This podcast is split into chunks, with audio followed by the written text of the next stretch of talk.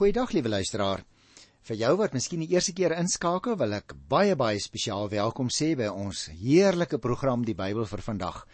Ons is eintlik besig om die Bybel deur te werk van Genesis tot Openbaring. Ons doen so een of twee boeke uit die Ou Testament en dan 'n boek in die Nuwe Testament. Op hierdie stadium is ons besig met die boek Job. Die ouens wat nou verlede keer ook geluister het, sal onthou dat ons toegesels het oor die raad wat Elifas Job se sogenaamde vriend vir hom gegee het, maar nou gaan ek vandag ook weer twee lang hoofstukke behandel, Job 6 en Job 7 tot aan die einde, want hierin reageer Job nou op wat Elifas gesê het en Job se antwoord bestaan uit 3 afdelings. Nommer 1: Elifas, jy gee vir my hierdie raad, maar jy's nie simpatiek teenoor my situasie nie, né? En jy en ek doen dit ook soms, lieve luisteraar. Ons ons het nie empatie met die ou nie. Die tweede reaksie van Job is dit: Jou kritiek is nie op feite gegrond nie, maar op jou eie ervaring. Luisteraar, ons kan so maklik vir mense raad gee uit ons eie situasie. En dan kritiseer ons die ander een, maar ons het geen idee van sy persoonlike belewenis nie. 'n Derde aspek wat na vore gaan kom in hierdie hoof 2 hoofstukke is: Jy het nou nog nie my vraag waarom ek so moet ly beantwoord nie. En ek het vir jou vorige keer ook gesê, lief luisteraars, gevaarlik om vir mense antwoorde te gee.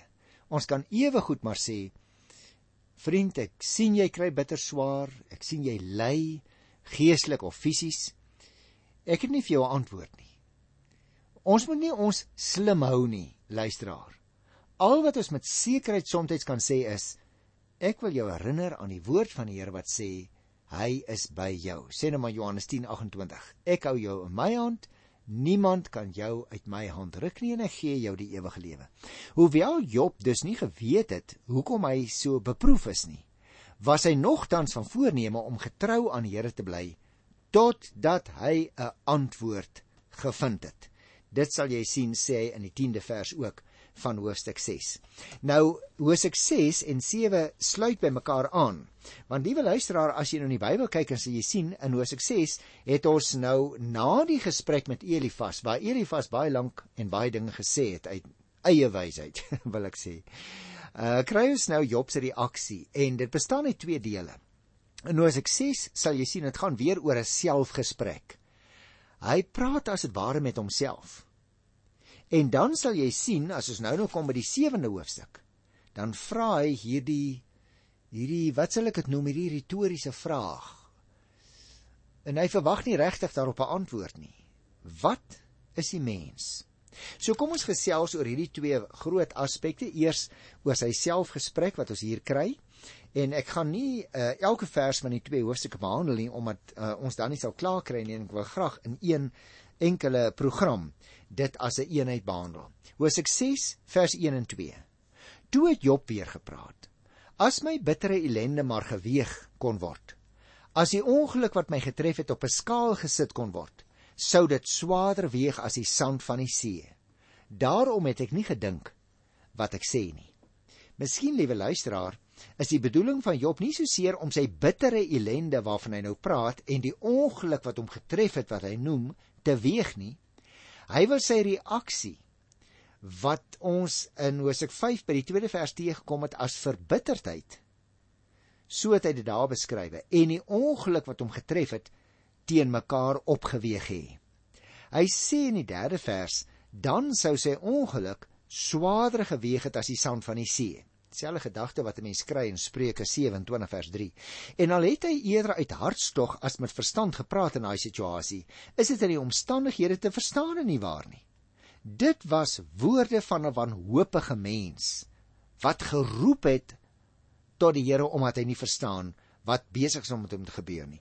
Ek sou dit andersom ook kon sê luisteraar, gesien dit wat hom getref het, het hy nog beheers gepraat. Ek ek wonder of jy en ek nie veel erger, mag ek sê, te kere sou gegaan het nie. So op hierdie stadium praat Job nog redelik beheers ten spyte van die slegte raad wat Elifas hom gegee het en wat totaal en al ontoepaslik was in sy situasie. Vers 4 en 5. Luister hoe beskryf hy. Hy sê: "Die pile van die Almagtige deurboor my. Ek word geleidelik deur hulle vergiftig. Verskrikking van God bedreig my. Balke wille donkie as hy by die gras kom, bulke bees by sy voer." Dis begryplik dat Elifas die aard van die ramp wat vir Job getref het, glad nie verstaan nie. Ook nie verstaan wil ek amper vir jou sê wie met 'n hoofletter arme ou Job getref het nie. Jy sien die onverklaarbaarheid is vir Job daar geleë dat God die almagtige is Dit beskryf ook die krag waarmee Job getref is. Die pile byvoorbeeld waarvan hy praat is as dit ware soos gifpyle waarna hy waarskynlik verwys. Terwyl die emosionele effek daarvan op Job weergegee word as die verskrikkinge van God wat hom voortdurend bedreig, sê hy. God het vir hom as dit ware 'n vyand geword wat sy lewe bedreig. Daar word dus gekla omdat daar werklik 'n behoefte is oor goeie kos kla selfs 'n wille donkie of 'n bees nie. Maar Job weet nie meer van goeie kos nie want hy het dit nie. Vers 6 en 7. Eet 'n mens smaaklose kos, kos sonder sout? Het die wit van 'n eier enige smaak? Ek raak nie aan sulke kos nie. Dit maak my siek. Jy sal onthou Job het gesê dat Elifas se raad soos die smaaklose wit van 'n eier is. As ons hier 'n moeilike tyd van beproewing en swaar kry gaan, liewe luisteraar, is verkeerde raad vir ons omtrent net so onaanvaarbaar as smaaklose kos, nie waar nie? Al luister ons dalk nog heel beleef na die persoon wat praat, neem ons beslis nie sulke soort raad ter harte nie. Moenie sommer mense wat swaar kry probeer raad gee sonder om self eers goed na te dink oor die raad wat jy gaan gee nie. Hulle het dikwels jou meegevoel en deernis meer nodig as jou raad. Hoor jy wat ek sê? Dat ons veel meer vir 'n persoon kan beteken as hy of sy ervaar ons het empatie, ons leef onsself in in hulle situasie en ons is jammer vir hulle. Maar raad? Nou ja, hulle kan maklik vir hulle self sê, ag jy kan maklik praat want want jy gaan nie deur wat ek deur gaan nie. Daarom moet ons liewer meer luister, minder praat. Teenwoordig wees by daardie persoon, ons hand onder sy elmboog sit of hom of haar aan die skouer vat en sê ek bid vir jou as dat ons e, dat ons nie eerder sou raad gee deur bloot dinge van buite te sê wat daai persoon glad nie as toepaslik belewe nie. Kom ons luister vers 8 tot 10. Ag, mag God vir my gee wat ek begeer. Mag hy dit goed dink om my te vernietig, om my lewe met sy hand af te kap. Dan sou ek die troos hê, die vreugde en die pyn wat hy my nie gespaar het nie, dat ek die woorde van die heilige nie geminag nie. Jy sien, uh liewe luisteraar, Job se ellende is regtig so groot dat hy nou op hierdie stadium lyk of hy wil tou opgooi. Dat hy eerder wou sterf sodat hy verlos kan word van sy lyding. Maar God het nie sy versoek toegestaan nie. Want die Here het 'n ander plan met sy lewe gehad. Ons is ook soos ou Job baie kere geneig om tou te wil opgooi as dinge vir ons moeilik raak. Nou is dit natuurlik goed as ons op God vertrou as dit met ons goed gaan. Maar as ons ook soms in moeilike tye kom, te midde van probleme en beproewings in hom bly glo, dan is dit 'n toets vir en 'n versterking van ons geloof. Daarom moet jy en ek ook te midde van ons probleme stryd wat ons soms voer, onthou dat die Here vir ons vashou. Romeine 8:28 is in hierdie verband ter sake. Job begeer dus hier eerder om dood te gaan. Hy sal tevrede wees om onder die hand van God sy lewe staan daar te verloor. En wanneer God dit goed dink om iets te doen, dan is dit volgens sy wil. So jy sien hierdie man gooi nie tou op met God nie hoor.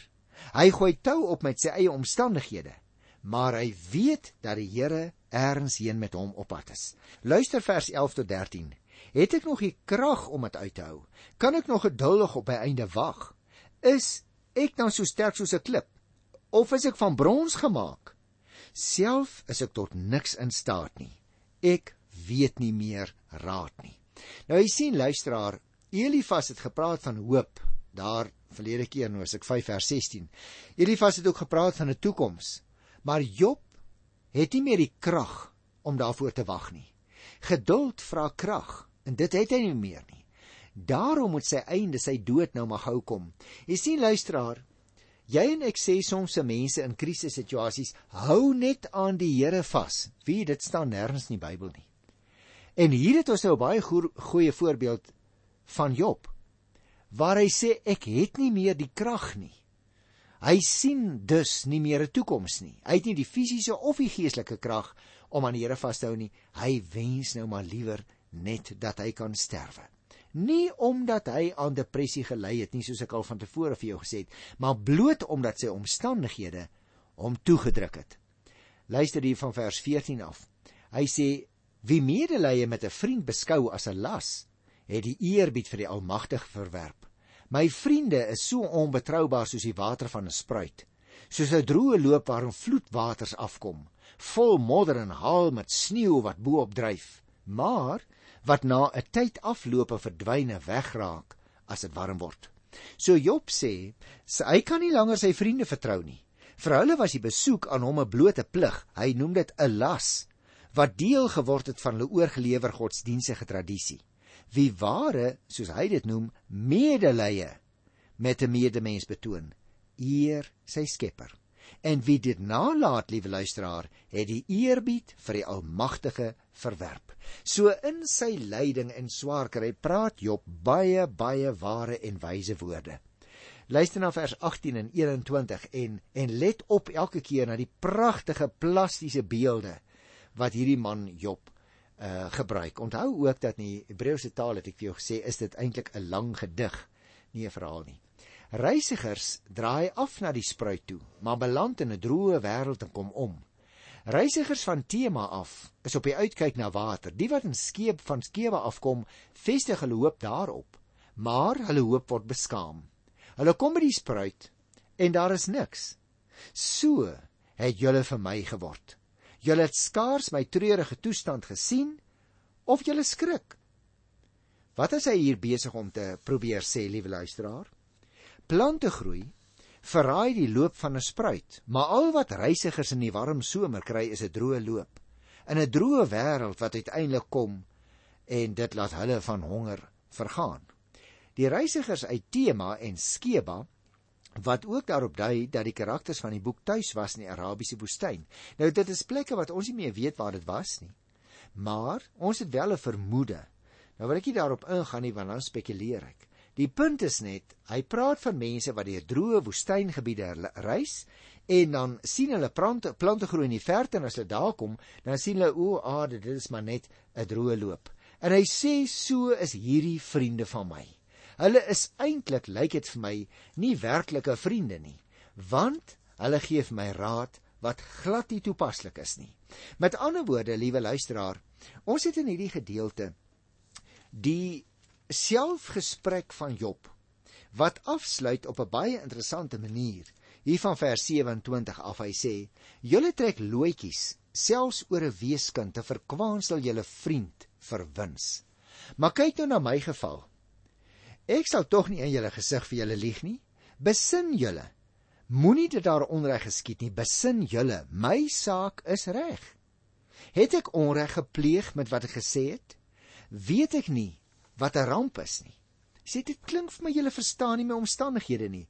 As sakelei het die vriende harder mense leer ken. So ervaar Job hulle ook nou. Hulle is harde mense, maar Job is 'n ander kwaliteit vriend as die wat deur vir ons wins bring. En daarom is dit belangrik, liewe luisteraar, ek wil amper vir jou sê in vriende se nood leer hulle vir jou en vir my ken.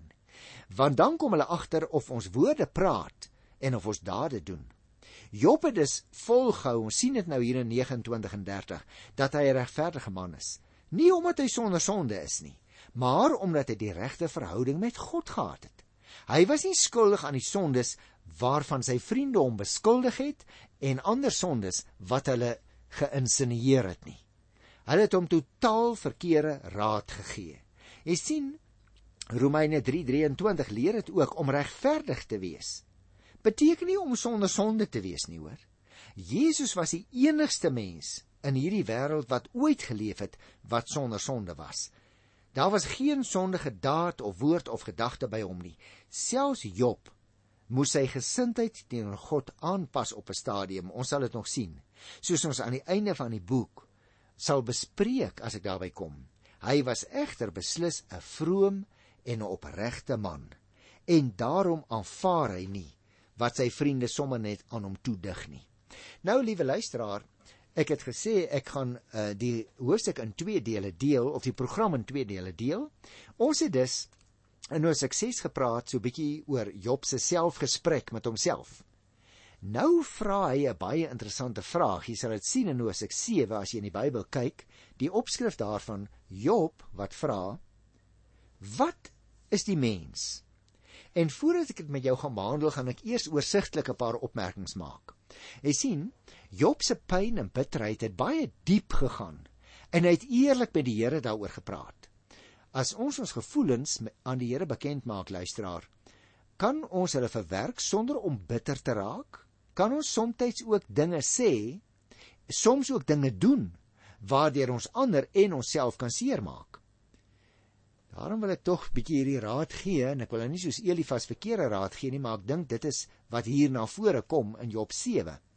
As jy net weer in 'n situasie kom waar dit voel of ons emosies ons wil oorweldig, sê dan eerlik in die gebed vir die Here hoe jy voel. Sê Here, ek my emosie is nie nou goed nie. Ek ek voel selfs 'n bietjie opstandig teenoor U. Jy sien, dit sal jou help om weer perspektief op jou eie situasie te kry, sodat jy 'n bietjie kan ontlaai sodat jy ook in staat sal wees om dit op 'n konstruktiewe manier te hanteer. Job het nie verder met Elifas gepraat nie, maar homself direk tot die Here gewend. In daai stadium het hy begin twyfel of daar enige sin was om 'n vroom en 'n goeie lewe te lei. En die houding was natuurlik baie gevaarlik luisteraars, want hy kon baie maklik begin dink dat God nie meer oor hom begaan of regverdig oor hom was nie. Die Here het hom later oor sy gesindheid bestraf. Ons sal daaroor kom by Hosea 38 by die tweede vers. Jou en my lyding mag dalk ook soos die van Job deur ander dinge as sonde in ons lewe veroorsaak word en ons moet versigtig wees luisteraars dat ons nie dalk sondig na aanleiding van ons lyding wanneer ons begin swaar kry nie nê dat ons dan sommer net sonder meer in opstand wil begin kom teen die Here, soos wat dikwels ongelukkig met uh, Christene met kinders van die Here gebeur. Kom ons lees die eerste 4 verse van Job 7. Is 'n mens se lewe op aarde nie maar harde arbeid nie? Is hy daar soos die van 'n dagloner nie? Sy lewe is die, soos die van 'n slaaf wat smag na koelte, soos die van 'n dagloner wat verlang na betaaltyd. So bring ek my maande deur met swaar kry. My nagte is net smart. As ek gaan slaap, dan dink ek, Wanneer kan ek opstaan? Maar die nag sleep stadig verby en ek rol onrustig rond tot die dag breek breek. Pragtige beelde wat hy hier gebruik. En jy en, en jy en ek ken dikwels daardie ervaring, né? Soos wa wakker lê in die nag, bekommer is oor ons ouers of oor ons kinders. Job se oordeel lyk vir my in hierdie eerste 4 verse oor die mens se lewe moet vanuit sy maande van swaar kry en nagte van smart soos dit noem in vers begryp word. Wat hy dus van 'n mens se lewe op aarde sê, geld 'n spesifieke soort situasie, dit moet ons onthou. Die situasie van iemand wat siek is en wat ly en wat nie begryp waarom nie. Dit was sy situasie.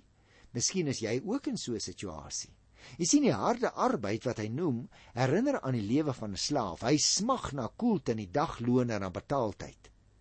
Ook Job verlang, sê hy, Maar waarna verlang hy? Hy verlang na die einde van sy dag. Maar vir hom is daar nie meer 'n onderbreking in die koelte of by betaaltyd nie. Sy swaar kry hou net aan en aan, selfs deur die nag. Dit bly nagte van smart en rustelose rondrol sê hy, 'n kringloop wat nie onderbreek word soos die rus oomblikke, die pouse vir 'n dagloner nie. Vers 5 en 6. Hy sê my liggaam is oortrek van wurms, vol rowe en stof. My vel is vol barste en dit etter aanhoudend. My dae loop vinnig soos 'n wewer spoel. Die draad raak gou op. Die maande van swaar kry en die nagte van smart wat hy net nou genoem het in vers 3, wat maar aanhou en aanhou en waarvan die rustlose rondrol eintlik maar net 'n teken is, word veroorsaak sê hy deur sy eie liggaam, deur die feit dat daar wurms op sy lyf is in die sere, dat hy rowe het en haar stof in. Dit is soos 'n fisies vir hom 'n geweldig neerdrukkende situasie waarin hy is. Luister na vers 7. Dink daaraan, o God, dat my lewe maar net 'n asempie is. Ek sal nooit weer voorspoed beleef nie. Jy sien teen die spoed waarmee Job se lewenstyl besig is om af te loop, is sy lewe eintlik net 'n asempie. En tensy die Here daaraan dink, bedoelende ingryp in sy lewe en sy situasie verander, sal sy lewe verby wees sonder dat Job weer voorspoed beleef het. Jy sien, luisteraar, hy praat nie nou op hierdie stadium meer met homself nie. Hy praat nie meer met Elifas wat hom die slegte raad gegee het nie.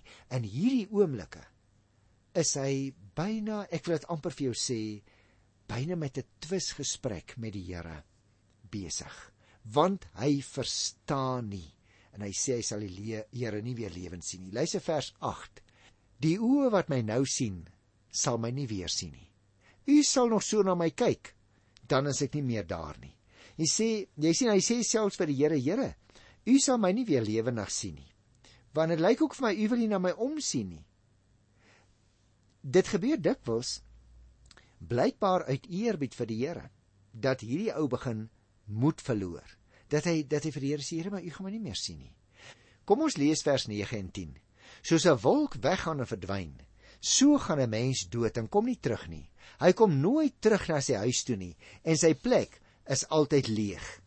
Vers 10 sê sy plek is altyd leeg. Jy sien die twee beelde wat hier gebruik is, die van 'n wolk en van 'n huis.